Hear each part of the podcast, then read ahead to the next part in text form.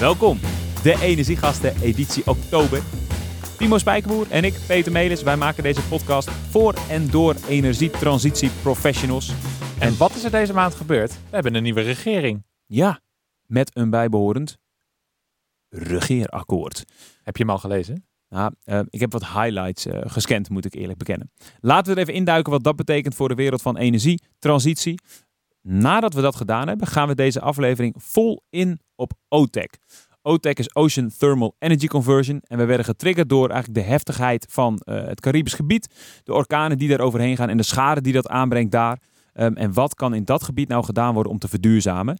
En OTEC is een technologie die met name in die tropische regio's heel veel kansen biedt om echt volledig duurzaam te worden. Zon, wind kennen we allemaal, maar hoe maak je dat stapje daarna? En OTEC is, heeft echt een, een, een potentie die heel, heel groot is. En daar gaan we deze editie induiken. Twee gasten hebben we daarvoor, vertellen we zo meteen alles over, een wetenschapper en een ondernemer. Eerst dat gezellige regeerakkoord. Uh, ja, wat betekent dat? Wat, wat viel jij, uh, jij, heb jij hem gelezen, Timo? Nou, ik heb hem niet helemaal gelezen, maar de energieparagrafen, die heb ik natuurlijk wel eventjes uh, doorgekeken. Ja, twee dingen die mij opvielen, uh, die, dat gaat over SDE Plus en salderen. Dat sprongen voor mij wel uit. Dat SDE Plus verhaal is natuurlijk een subsidiepot die al, uh, die al jaren in de lucht is. Um, en waar waarschijnlijk wat extra budget bij komt. Volgens mij 3,2 miljard extra. Of dat nou elk jaar wordt of verspreid over vier jaar, dat was mij niet helemaal duidelijk. Um, maar die, die 12 miljard die wordt nu jaarlijks in twee fasen verdeeld. Mm. En dat wordt verspreid over uh, biomassa, wind, geothermie, uh, zon groot. Dus het is groter dan 15 kilowatt piek. En wij um, betalen die pot eigenlijk allemaal via onze energierekening. Hè? Gaat de komende jaren ook omhoog. De opslag duurzame energie wordt eigenlijk gebruikt om het geldpotje te vullen waarmee we dit, uh, deze subsidies weer uitdelen. En, en nu komt dat dingetje van dat regeerakkoord. Want CCS is volgens mij de meest gegoogelde afkorting uh, sinds het regeerakkoord is uitgekomen. Dat is namelijk Carbon Capture and Storage. En dat is een technologie waar ook de SDE Plus pot, uh, uh, of die ook in de SDE Plus pot gaat vallen. Vanaf nu? Ja, volgens mij wel als ik het regeerakkoord goed begrijp. En wordt altijd een beetje als de technologie gezien van de grote fossiele reuzen. Want die kunnen daar een beetje mee aan de slag. Ja, dan pompen we nog even een gasveld vol met wat CO2 daar onder de grond. En het is ook helemaal geen opwek. Dus, dus het, is, het, is, het, is toch, het, het is toch een stimulering duurzame energie? Wat heeft CCS daarmee te maken? CCS, volgens mij, ik weet niet hoe jij dat ziet, maar dat is helemaal geen opwek. Nee, dat is een uh, tussenoplossing, symptoombestrijdingsding. En ik vermoed, maar dit is speculeren, dat uh, het succes van de SDE-systematiek uh, eigenlijk nu ervoor zorgt dat ze denken, ja, laten we andere technologieën er ook maar inschuiven. Hmm, dat dat aan de hand is. Oké. Okay. Hoe dat precies gaat uitpakken, ik ben benieuwd. Maar het is voor, wat mij betreft geen goed teken dat dat zo gaat. Um, Misschien dat we daar ooit nog eens in een latere uh, uitzending op terugkomen. Andere dingetje is natuurlijk opvallend, is salderen. Uh, er is een, uh, een, een, motie voor deze regering geweest. Die heeft gezegd salderen blijft sowieso tot 2023. Um, en, um, en nu blijkt Kamp... dat ineens niet meer waar te zijn. Ja, nu zeggen ze ineens in het regeerakkoord, het is 2020. Nou, daar is, daar is best wat ophef over. er zijn wel een aantal dingen die interessant zijn. Eén, het is al eind 2017. Hoe gaan we dat überhaupt voor 2020 dan geregeld krijgen? Um, een issue daar is bijvoorbeeld de slimme meters. Die nog steeds een beetje, ja, wat gebeurt er nou? Er zijn mensen die bijvoorbeeld de slimme meter weigeren. Wat ga je met die adressen doen als je dan een ander systeem wil? Een feed-in tarief uh, wordt hiervoor uh, genoemd. Maar wel trouwens heel goed om te weten, het belangrijkste uitgangspunt is natuurlijk investeringszekerheid.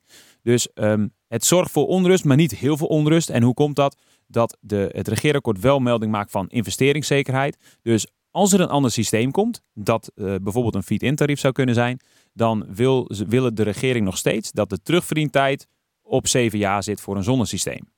Precies, en even om uit te leggen wat een feed-in tarief is. Hè, dat betekent dus op het moment dat je stroom opwekt en je dat niet direct zelf kan gebruiken, maar het terugvoert in het netwerk, bijvoorbeeld van je zonnepanelen ja. of van je windmolen of wat dan ook, dat je daar een uh, vast afgesproken prijs voor krijgt. Ja, en die prijs zal dan inderdaad lager zijn dan je nu krijgt als je gewoon saldeert. Uh, maar ze willen dus wel met de rekensommetjes ervoor zorgen dat het uiteindelijk binnen zeven jaar terugverdiend is. Wil je nog het hele regeerakkoord lezen? Doe dat vooral. We zullen een link hieronder zetten onder deze podcast. Dan kun je alle details induiken. Wij gaan nu de wereld van uh, de diepzee in.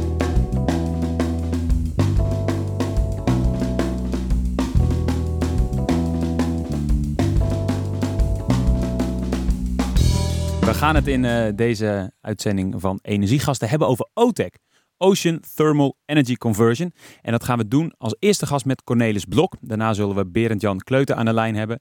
Um, eerst Cornelis Blok. Hij is een bekende naam in duurzaamheidsland, geboren in 1956, professor Energy Systems Analysis aan de TU Delft. Um, en dat heeft hij zelf niet gestudeerd, want ik denk dat die studie nog niet bestond. Uh, hij studeerde experimentele natuurkunde in Utrecht en is in 1991 gepromoveerd op het onderwerp on the reduction of carbon dioxide emissions. Oftewel, hij was daar vroeg bij met de verduurzaming van de wereld. In 1984 was hij een van de oprichters van Ecovis en is daar nog steeds directeur wetenschap. En dat doet hij dus naast zijn baan aan de TU Delft. Leuke vermelding nog, duurzame uh, top 100 van Dagblad Trouw. Daar stond hij in 2016 op plek nummer 58.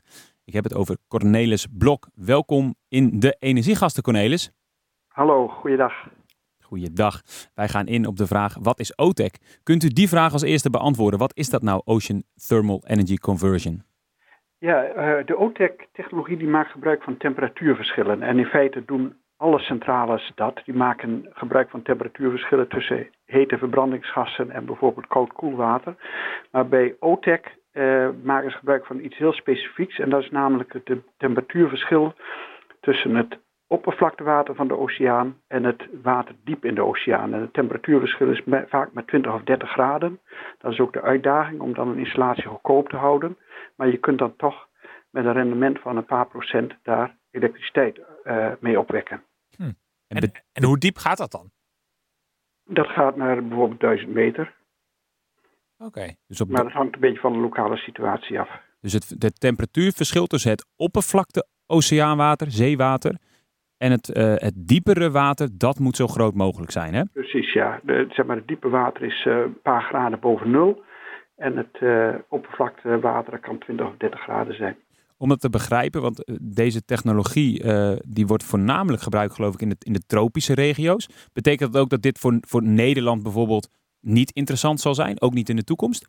Dat klopt, ja. Uh, en dat heeft alleen maar te maken met het feit dat het, dat het warme water, het koude water is overal, het diepe koude water. Als je voldoende diepte hebt, dat hebben we hier ook niet. Koud water is overal, maar warm water is er uh, vaak niet, dus daarvoor moeten we naar de tropen. Oké. Um, die tropen zijn natuurlijk afgelopen tijd ook veel in het, uh, in het nieuws geweest met alle ellende die daar zich heeft afgespeeld. Ja. Um, en, en daardoor zijn ook bijvoorbeeld elektriciteitsnetten kapot uh, geraakt. Uh, en daar blijkt ook dat daar ook veel afhankelijkheid van diesel nog is, dieselgeneratoren. Um, is dat ook precies de reden waarom OTEC voor eilanden heel interessant is, om, om beter zelfvoorzienend te kunnen zijn?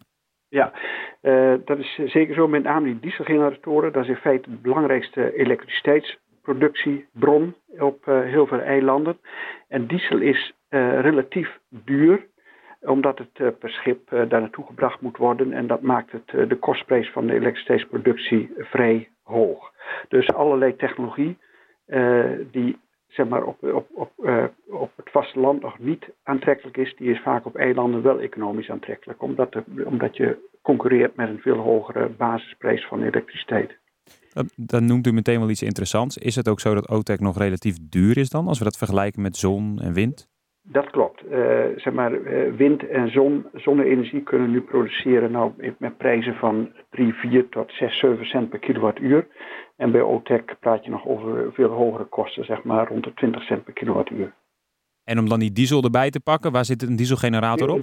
Dat varieert een beetje op sommige eilanden voor 15 cent, maar op andere 25 of 30 cent. Ah, oké. Dus er zijn dus bepaalde eilanden waar OTEC nu al financieel beter klopt, is? Ja, ja, Oké. Okay. Um, los van die eilanden, als we één stapje verder kijken in de toekomst, uh, uh, ziet u dan ook voor andere plekken nog een hele belangrijke rol waar OTEC uh, toegepast kan worden? Ja, OTEC kan in feite overal toegepast worden waar de, waar de, de, de condities goed genoeg zijn. Dat betekent warm water en koud water. Dus ook op, ik denk op heel veel plekken nou, bijvoorbeeld in Indonesië, in de buurt van Afrika, Zuid-Amerika, op heel veel plekken kunnen we het uiteindelijk toepassen. En het, volgens mij is een groot voordeel dan ook wel, want grote steden zitten natuurlijk vaak bij de kust. Klopt, we hebben heel veel van die steden, als, als, als, als, bijvoorbeeld een Rio de Janeiro, ik weet niet of daar het water dan weer goed is, maar een Jakarta, dat zijn, of zit Jakarta aan de kust? Ja, toch? Ja. ja. ja. Dus, kunt u je dan ook iets zeggen over de wereldwijde potentie van de bijdrage van, van OTEC? Ja, nou, uh, die, uh, zeg maar, uh, daar, daar, circuleren heel veel verschillende getallen over, maar het kan een, er is in feite genoeg. Zeg maar, op plekken waar je het, waar je kunt toepassen, daar heb je ook heel veel, uh, heel veel OTEC beschikbaar. Dus het kan zeg maar een, een hele belangrijke aanvulling zijn op de elektriciteitsvoorziening. En, misschien moeten. En, ja? En, want over, want welke bijdrage is dat dan eigenlijk? Nou, dat denk ik. ik denk in, in de gebieden waar het aantrekkelijk is, denk ik aan bijdrages van 20 of 30 procent. Van 100% duurzaam, waar we dan voor het gemak van Precies, uitgaan? Ja, uh, misschien moet ik dat ook eens in perspectief plaatsen. Kijk, we zitten nu in de situatie dat wind en zon uh, uh, heel goedkoop beschikbaar komen. Dus als je duurzame energie gaat ontwikkelen, ook op een eiland, dan begin je met wind en zon. Uh, en soms wil, wil, men geen wind omdat het to, eiland toeristisch zijn en dan heeft men liever dat soort dat niet op het strand staan of in de buurt van het strand. Maar wind en zon, daar begin je normaal gesproken mee. Het probleem is, wind en zon is natuurlijk afhankelijk van het aanbod. En dat, is, dat, dat, dat fluctueert. En je zit dus, komt, krijgt op een gegeven moment de uitdaging dat je vraag en aanbod met elkaar moet matchen.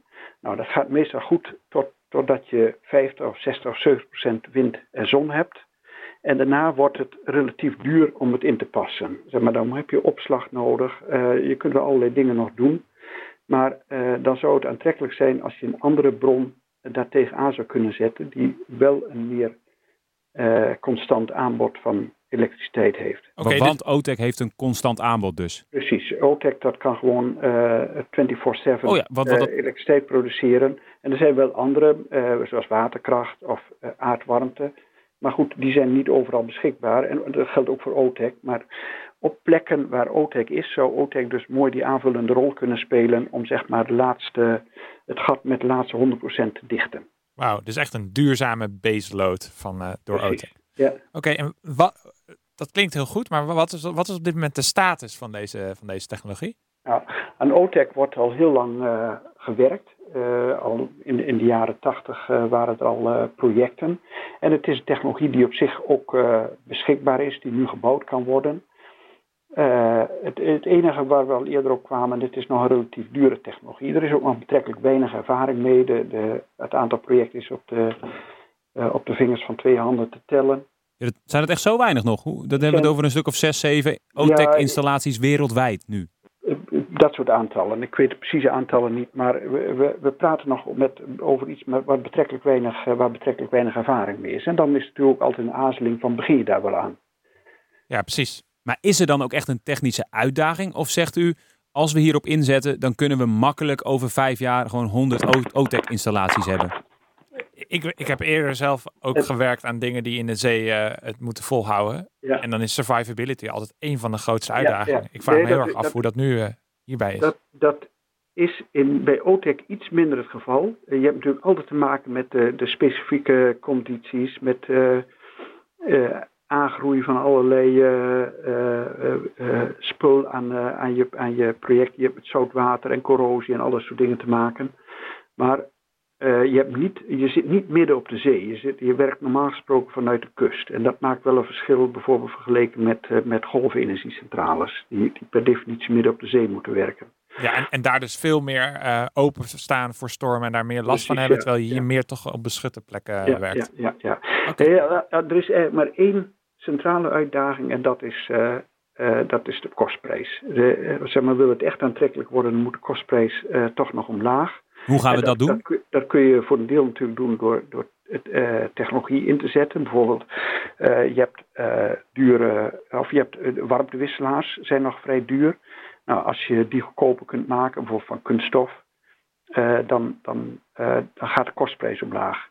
Maar de grote winst moet toch gehaald worden van ja, het, het technologische leren, zoals ze het noemen. Zeg maar in feite geldt het ook voor zon en wind. De prijzen daarvan zijn omlaag gekomen omdat het op grote schaal toegepast is.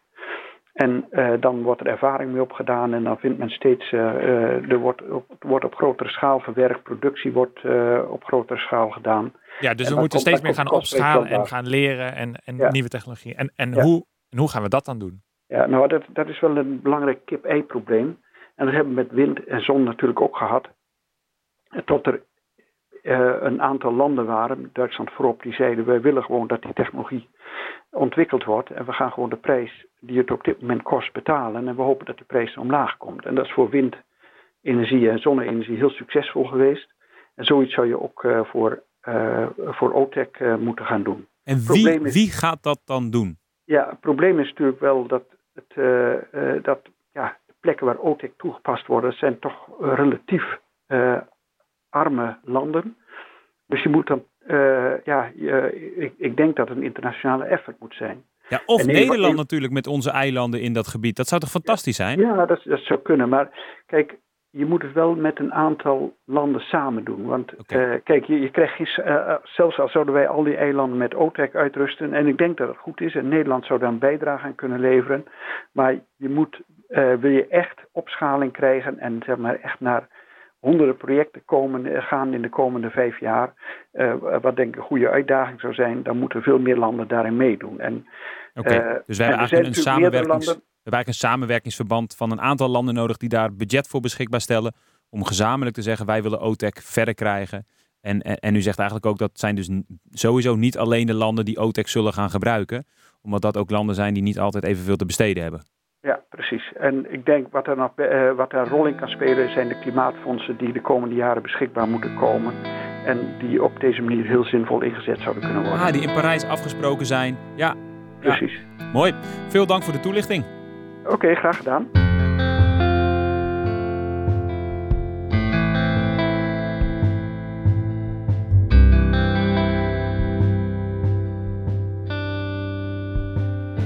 We hebben net eh, Cornelis Blok eh, uitgehoord over OTEC in het grote plaatje van de energietransitie. Ehm, het is nu tijd om echt de praktijk in te gaan. Berend-Jan Kleuten, goeie, goeiedag. Goedendag. Um, voordat we met jou de diepte ingaan op jouw bedrijf Blue Rise, gaan we eerst onze favoriete spel spelen. We gaan van, letterlijk de diepte in, hè Peter? Ja, we gaan... dat leggen we straks uit. we, we, gaan, we gaan eerst ons favoriete spel spelen in podcastland. Dat is namelijk Quote of Quatsch. Um, en um, Berend-Jan, dat ga jij spelen tegen Timo. Jullie strijden tegen elkaar voor de, voor de eer. En um, het werkt heel simpel. We hebben drie quotes uit de actualiteit gepakt. En de vraag is, wie heeft dat gezegd?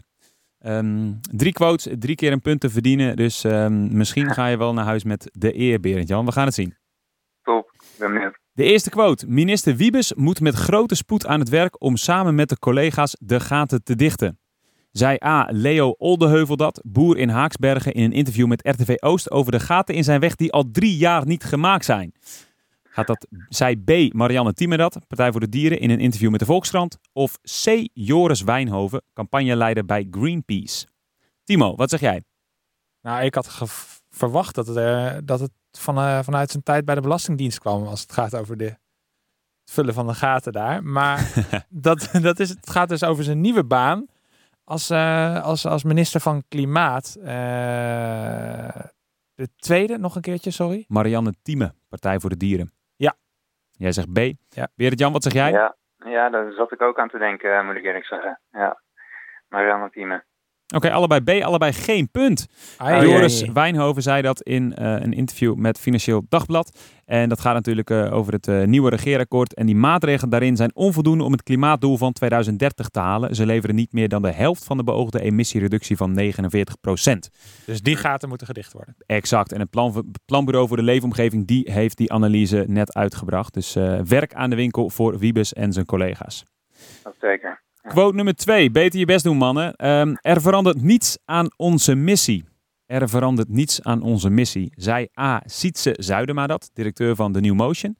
B. Marian van Loon, president-directeur Shell. Of C. Hanne Buis, directeur Lelystad Airport. Berend Jan, ik begin bij jou. Ja, ik denk uh, optie A, vanwege de overname door Shell. En uh, natuurlijk de enige argwaan die dat uh, misschien genereert. Ik Timo. kan me zo voorstellen, ja. Timo, wat zeg jij? Uh, nou, A klinkt wel overtuigend, maar moet je eerlijk bekennen dat ik dan gewoon um, zou meeliften op, uh, op de kennis van, van Berend Jan. Dus ik, ik kies voor B.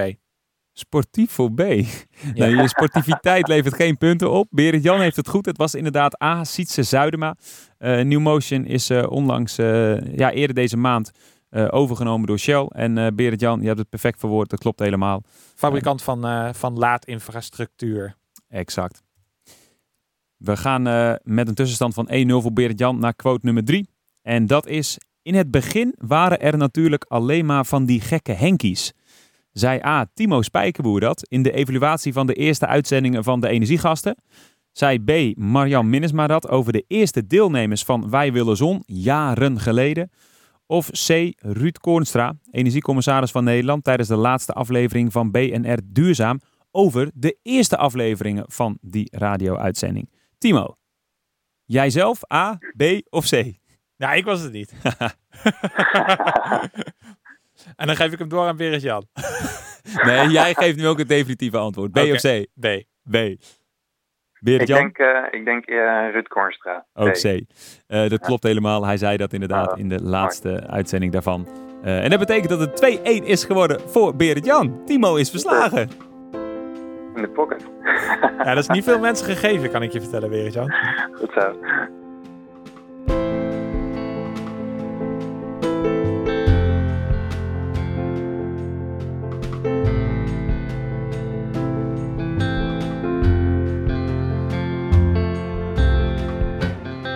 Gaan de diepte in en dat gaan we doen met Berend Jan Kleuten. Uh, jij bent een van de oprichters van Blue Rise, zeven jaar geleden ondertussen. En jullie richten je op de markt van OTEC, Ocean Thermal Energy Conversion. Wat dat is, heeft Cornelis Blok ons net uitgelegd. Uh, maar even terug in de tijd, Berend Jan. Hoe ben jij daar jaren geleden mee in aanraking gekomen? Want er zijn niet heel veel partijen in de wereld mee actief. Hoe komt het dat jij dat wel bent? Ja, dat is een hele leuke vraag. Um, het is eigenlijk begonnen via, via mijn studie um, bij de TU Delft. Ik, ben, ik heb werkgebouwkunde gestudeerd um, en uh, had altijd al een interesse voor energie en uh, de combinatie met water. En de mogelijkheden om energie te winnen op water. En eigenlijk door mijn studie ben ik in contact gekomen met, nou, met een project dat precies hierop aansloot. En um, ook specifiek als doel had toen al om Curaçao eigenlijk van energie te voorzien uh, met, uh, met de temperatuurschone zee gebruiken. Dus echt met OTEC? Klopt, met OTEC. En um, nou ja, dat, dat was zo'n uh, succesvol project geworden. wat we hebben gepresenteerd aan de, aan de board van de universiteit. En nou ja, werd gepubliceerd in de markt. of in verschillende magazines. Um, wat we, hebben, wat we uiteindelijk ook hebben mogen presenteren op een conferentie in Amerika. Dus uh, ja, dat, dat was uh, een hele mooie manier eigenlijk om dit uh, ja, eigenlijk bekend te maken, ook in Nederland. Um, veel men, heel weinig mensen kennen het eigenlijk nog maar. Uh, en toen is ook meteen het, daaruit is het bedrijf al meteen opgericht of zat er nog wat tijd ja. tussen? Ja, nee, er zat een anderhalf jaar tussen. Um, ook um, nou ja, Remy Blokker ben ik eigenlijk al heel snel tegengekomen. Medeoprichter nou, is dat? Klopt, medeoprichter. En dat was eigenlijk al in 2009, direct na het publiceren van ons eerste stukje in, uh, in de magazine. En uh, hij las dat en um, was zelf ook al hiermee bezig, sinds een half jaar ongeveer. ongeveer.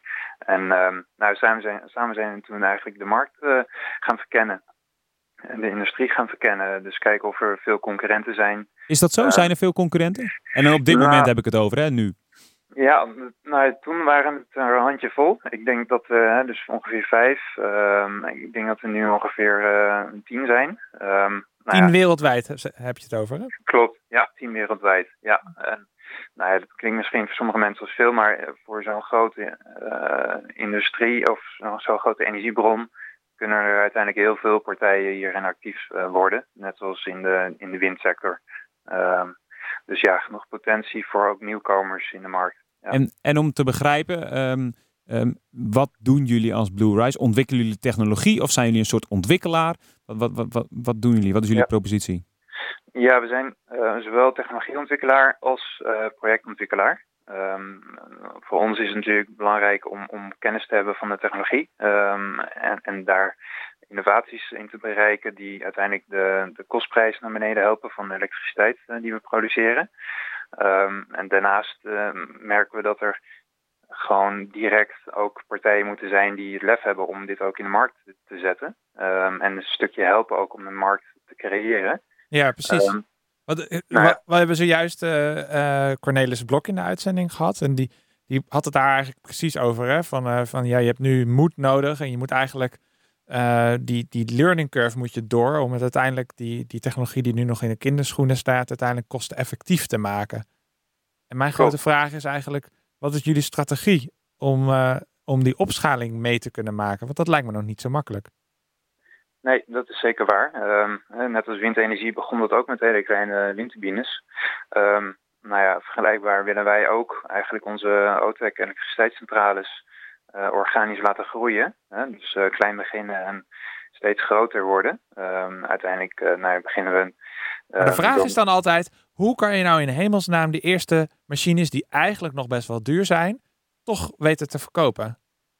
Ja, nou ja, klopt. En, en daarvoor zijn we eigenlijk heel, heel snel, eigenlijk nog voordat we waren opgericht, de markt ingegaan. we zijn dus gewoon, we hebben het vliegtuig gepakt, we zijn naar Curaçao gegaan.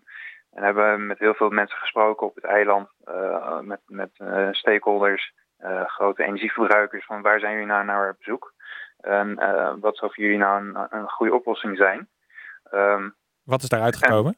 ja, dat is, daar is uitgekomen dat we eigenlijk gewoon diepzeewaterkoeling in eerste instantie als een hele mooie eerste stap kunnen leveren.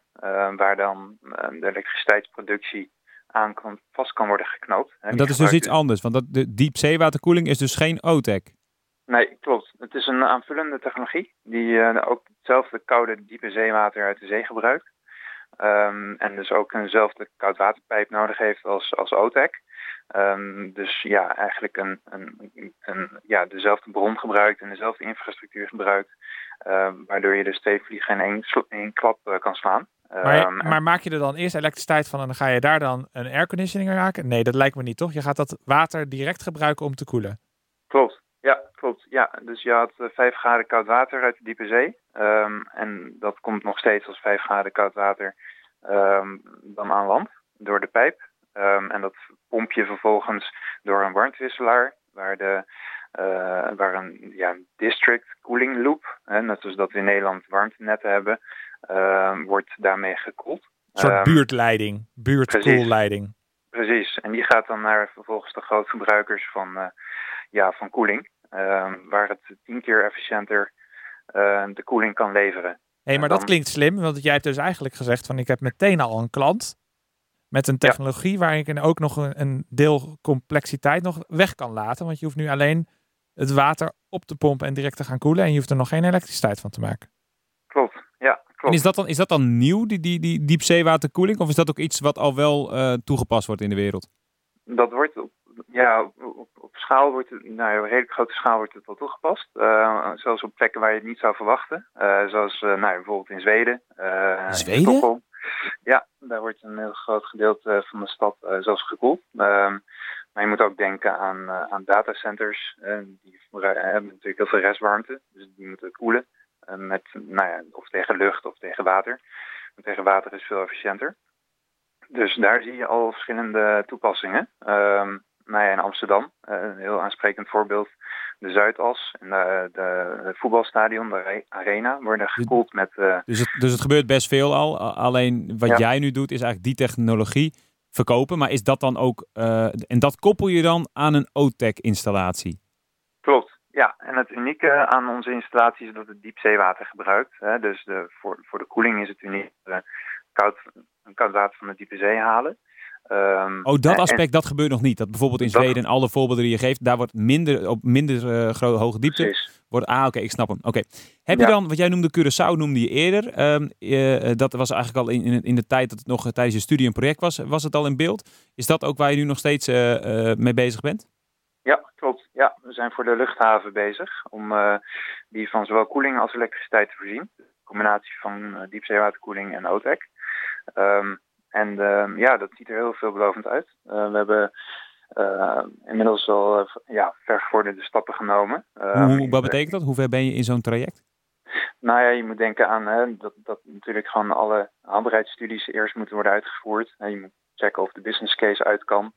Um, nou, die business case is inmiddels uh, ontwikkeld. Um, er zijn uh, verschillende partners bij aangesloten uh, die kunnen helpen bij de bouw ook van zo'n project. Um, nou ja, er zijn intenties vanuit de klant geleverd om hier ook een afname van te doen van de elektriciteit en de koeling die we leveren. Ja. Dus er zijn ja, vergevorderde stappen inmiddels op papier. En, en wanneer is het op papier veranderd in een, een, een bestaande diepzeewaterkoelinginstallatie en een OTEC-installatie daarnaast? Welk jaar hebben we het dan over? We verwachten dat het in 2009 en 19 gaat zijn. Ja, 2019. Dit zijn lange trajecten, want jullie bestaan nu zeven jaar. 2019 is over twee jaar. Um, hoe, hoe, hoe, hou je dan als bedrijf, eh, heel simpel gezegd, je hoofd boven water? Um, nou ja, we zijn natuurlijk al, hè, zeg maar, die eerste fase van een project, dat, dat zijn in principe uh, haalbaarheidsstudies waar je gewoon voor de uren die je maakt wordt betaald. Um, daarnaast hebben we uh, ook, ook projecten, zelfs in Nederland, die we doen. Uh, bijvoorbeeld restwarmteconversie, omzetten naar elektriciteit. Mm -hmm. we, we hebben projecten ook die wat meer nog R&D zijn. En die worden gesubsidieerd door de overheid. je hebt een mix van projecten dat je toch een inkomstenstroom hebt om ook die lange termijn projecten te kunnen doen. Klopt, ja, okay. klopt. Ja. Okay. Wat ik nog wel even benieuwd naar ben, is je zegt van het is, uh, er is eigenlijk een, gigantische energiebron en er zijn nog maar een paar spelers actief. En er is eigenlijk nog wel heel veel ruimte voor, voor nieuwkomers. Nou zijn wij altijd met de energiegasten bezig om onze luisteraars een nieuwe business ideeën te geven. Als, als een van onze luisteraars nou ook aan de slag zou willen met, een, met een bedrijf in, in deze, deze hoek. Wat zijn nou de uitdagingen waarvan je zegt, nou die zouden eigenlijk nu ook eens opgepakt moeten worden door een nou, een collega-ondernemer die daar ook mee aan de slag gaat om dit allemaal te ontginnen? Ja, nou, waar we vooral naar op zoek zijn, zijn bedrijven die al expertise hebben in, de, in vooral de offshore-wereld. Uh, dan moet je denken aan de olie- en gasbedrijven of de bedrijven actief in de offshore wind. Um, ja, die helpen natuurlijk nu al om al die powercables uh, aan te leggen in zee en pijpleidingen en platformen en dergelijke. Ja, dus je zou uh, hun kennis eigenlijk willen in gaan zetten voor deze industrie? Precies, ja. En dat is eigenlijk een kans die nu voor het oprapen ligt. En maar dat is een goede, want daar verdwijnen ontzettend veel banen. Dus als, als, als, die, als, als die gasten, Shell is met reorganiseren bezig. Uh, we hebben Herema, geloof ik, die, die, die uh, toch wel wat mensen op straat heeft gezet, als ik het goed heb begrepen. Klopt. Die, die kunnen een, een nieuw bedrijf beginnen die jou daarvan gaat voorzien. Ja, nou ja, zeker. Met een huidige, met, als huidige bedrijven kunnen ze dat wel doen. Uh, ja, en, en, ja, die kans ligt voor het oprapen. Dus voor hun um, is dat een, is dat een mooie diversificering ook van hun huidige tak van sport. Hè? Dus uh, het is alleen maar aantrekkelijk, denk ik, om in een moeilijkere markt, zoals nu de olie- en gasmarkt, uh, daarnaast ook nog een, een ja, uh, interessante aanvullende markt te hebben. Waar Ja. je, waar je ja. bent. Ja. Laatste punt. Jullie hebben een crowdfunding lopen uh, nu. Die is al binnen, volgens mij binnen 24 uur uh, vol gefinancierd. Uh, volgens mij 2,5 ton hebben jullie geloof ik opgehaald in 24 uur. Dus uh, het uh, geld klotst tegen de plinten op dit moment bij Blue Rise. Maar mocht je nog willen in investeren, dan kan het geloof ik nog tot eind... Wanneer is het? Tot wanneer kan je investeren nog? Tot medio november, ja. Oké. Okay. Mocht je deze podcast op tijd horen, dan kan je er nog bij zijn. En anders komt er misschien later nog weer een ronde. Maar dat is een goed teken dat er dus veel mensen vertrouwen in jullie hebben en, en daar, daarin willen stappen. Tof. en en voor, de, voor de duidelijkheid, dat gebruiken jullie... waar gebruiken jullie dat geld eigenlijk voor? Dat helpt ons om uiteindelijk die projecten te gaan realiseren. Dus uh, het is de laatste fase voorbereiding, zeg maar, voordat we kunnen beginnen met het bouwen. Oké, okay, ja. om die fase door te komen, om zo meteen uh, in Curaçao een uh, draaiende plan te hebben. Cool. Klopt, ja. En in Jamaica. En in Jamaica, tof. Yes. Um, Timo, ik denk dat wij binnenkort 2019 is hij gereed. Heb je nog hulp nodig in 2018? Dat wij nog even een paar weken langskomen op Curaçao? Ja, ik, ik, ik, zit de hele tijd te denken van, zou dat nou echt een rol gespeeld hebben? Dat hij gewoon van tevoren al door had dat hij op de meest mooie orde op deze, op deze aarde met zijn bedrijf aan de slag kon gaan. Heeft dat een nou, rol gespeeld? um, nou ja, goed. Kijk, uh, ik ben opgeleid uh, vanuit werkgebouwkunde, dan een specialisatie offshore engineering gedaan.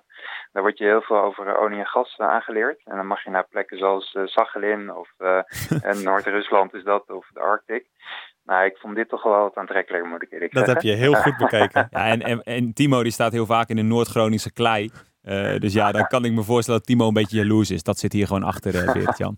heel goed, heel goed. Succes uh, de komende tijd en um, dank. Super, dankjewel. Hartstikke graag gedaan.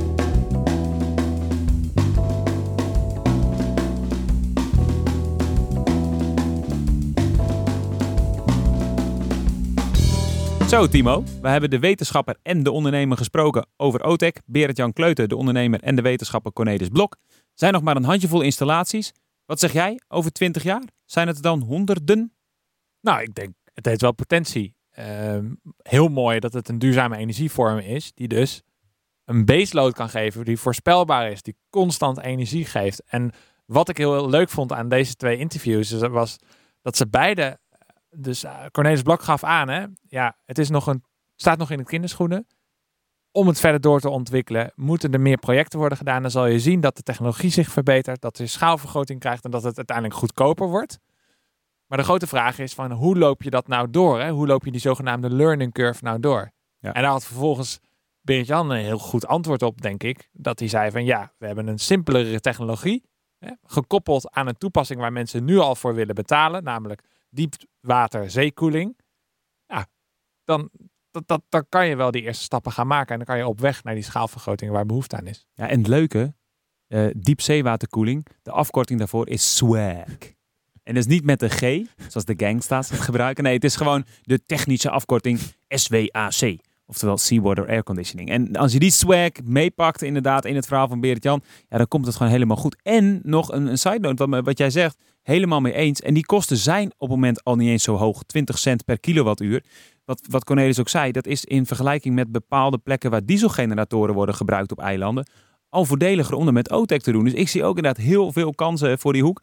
En nog leuk, uh, laatste noot, onze business opportunities in die hoek. Berend Jan zei er al iets over. Heb jij daar nog een, een toevoeging op? Wat moet je gaan doen als je OTEC in wilt stappen? Ja, nou je ziet nu dat zij eigenlijk alle rollen op zich pakken. Hè. Ze zijn financier, projectontwikkelaar, uh, technologieontwikkelaar. En uh, misschien een leuk sprongetje ook naar onze geothermie af, uh, aflevering. Daar zagen we dat ook, hè? Dat, dat al die rollen zich vermengden. Maar na, naarmate zo'n industrie volwassen wordt, gaat zich dat steeds meer splitsen. Ja. Dus ik kan me voorstellen dat, dat daar in de ontwikkeling van die sector kansen komen voor andere bedrijven. Misschien wel bedrijven die nu actief zijn als financier in een andere sector en die dan in deze sector kunnen instappen. Top. Vond je dit een toffe aflevering? Deel deze dan vooral met bekende collega's, wie dan ook. En uh, mocht je uh, nog andere afleveringen willen checken, die staan allemaal online. Onder andere op energiegasten.nl of via jouw favoriete podcast-app. Wij zijn volgende maand bij je terug in de maand november met een kakelverse nieuwe editie over een item, een onderwerp uit de wereld van energietransitie. Bye bye.